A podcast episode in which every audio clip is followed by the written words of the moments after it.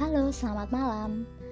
Karena hari ini adalah Hari Perempuan, aku mau membahas sedikit banyak tentang perempuan. Kalian pernah dengar gak sih kata orang, laki-laki adalah makhluk dari Mars dan perempuan adalah makhluk dari Venus.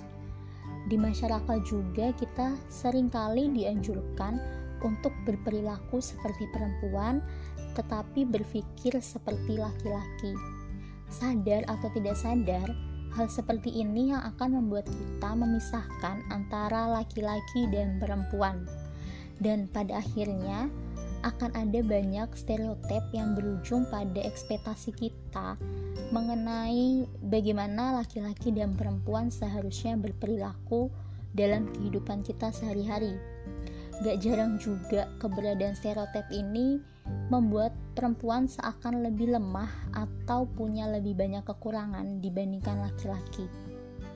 Seakan gak cukup nih memperburuk situasi di kehidupan kita sehari-hari di lingkungan kita, media sosial pun yang saat ini seharusnya menjadi tempat kita untuk lebih banyak mendapatkan informasi mulai dari televisi, koran, radio, Instagram, Telegram, dan media sosial lainnya justru banyak mendorong kita untuk membentuk persepsi tertentu mengenai perempuan.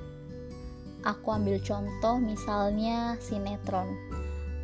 Sinetron yang ditayangkan di televisi saat ini menggambarkan tokoh perempuan sebagai tokoh yang sangat emosional, selalu menangis saat ditindas oleh tokoh antagonis, ibu mertua yang selalu pemarah, dan menaruh dendam pada tokoh utama perempuan yang hatinya seperti malaikat, rapuh.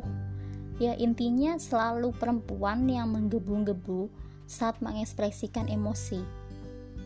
Jadi gak jarang kalau kaum hawa ini selalu dilabeli sebagai kelompok yang emosional dibandingkan dengan kaum Adam. Apalagi saat perempuan PMS itu adalah ciri khas perempuan emosinya meningkat. Ada lagi nih, melalui berita infotainment. Seringkali kebanyakan infotainment itu pembawa acaranya adalah perempuan dan membahas gosip-gosip yang lagi naik daun saat ini. Makanya itu perempuan itu lebih sering dibilang ber lebih banyak bergosip dibandingkan laki-laki. Stereotip lainnya, contoh lainnya berlanjut nih yang pada stereotip lainnya itu mengenai standar kecantikan. Sadar atau nggak sadar juga, kecantikan saat ini selalu berwujud sebagai perempuan yang langsing, kulit putih, tinggi semampai, wajah tirus, dan lain sebagainya. Hal ini banyak banget kita bisa lihat di iklan-iklan produk skincare yang mencari model sesuai dengan ciri-ciri yang tadi aku sebutin. Lalu dibesar-besarkan oleh beauty pageant yang menjadi impian para wanita. Jadi nggak heran juga kalau perempuan sangat mempermasalahkan soal perubahan angka di timbangan, naik atau turun, dan khawatir yang berlebih ketika harus berpergian tanpa kosmetik. Tapi bukan cuma media sosial yang menjadi kambing hitam kita saat ini. Di lingkungan kita pun membuat perempuan harus selalu menyesuaikan standar masyarakatnya. Contohnya label jomblo, perawan tua, gak laku-laku. Sering banget menjadi momok bagi perempuan perihal status hubungan. Perempuan yang gak berpasangan, kalau misalnya lagi ada acara keluarga besar, selalu ditanya soal pacar atau soal pasangan.